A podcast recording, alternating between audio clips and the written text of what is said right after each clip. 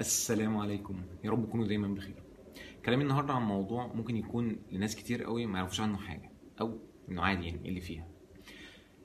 تبقى قاعد أو واقف أو ماشي ويجي حد يسلم عليك. مين الحد ده؟ راجل أو ست.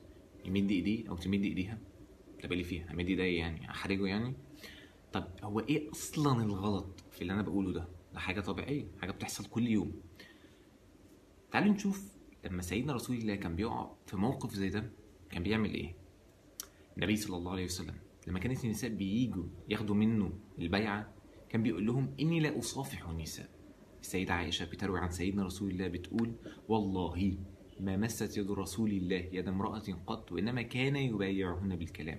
يعني كانت النساء لما كانوا بيدخلوا في الإسلام كان الرسول صلى الله عليه وسلم بياخد منهم البيعة بمجرد الكلام بس مش زي الرجالة بيسلم عليهم.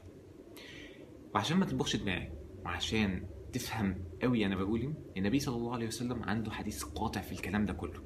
عشان لما يحصل لك الموقف تفتكره على طول.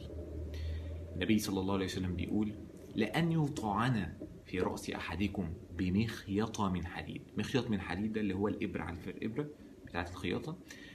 إن أنت تاخدها وتقعد تطعن بيها نفسك خير له من أن يمس امرأة لا تحل له. شوف قوة التشبيه عامل إزاي أصلا؟ يعني أنت تجيب الإبرة دي وتقعد تطعن بيها نفسك ده هيبقى أحسن لك من إنك تمس امرأة لا تحل لها مش مجرد إنك تسلم بس. طب أنا عايز أفهم برضه أنا مش مقتنع. أنا عايز أفهم هو إيه الغلط في حاجة زي كده؟ الفكرة إن أنت لما بتسلم على المرأة أو المرأة بتسلم على الرجل بيصير عندنا كلنا شهوة بيصير عندنا فتنه يا راجل ده بمجرد إنك تبص على على واحدة في الشارع أو واحدة تبص على راجل في الشارع ده بيصير غرائز لوحده. فتخيل المس هيبقى عامل إزاي. فهي مبدأ من مبادئ الإسلام وحاجة سيدنا رسول الله نهى عنها. طيب إيه إيه الموضوع مش مجرد إن إن أنا بقول لك تعملها إيه ودي هتدخلك جهنم على طول. لا ده مش هيحصل ابدا.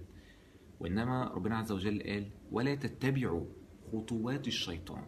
يعني لما انت تستحل حاجة زي دي في الأول وانت عارف إنها حرام دي واحدة في مرة في التانية هت يعني هتنمي من جواك حاجات كتير بقى. الشيطان هيبقى ليه مدخل يدخل لك منه على طول. فأنت لما تقفل حاجة زي دي في الأول فأنت بتمنع نفسك من حاجات كتير قوي في المستقبل.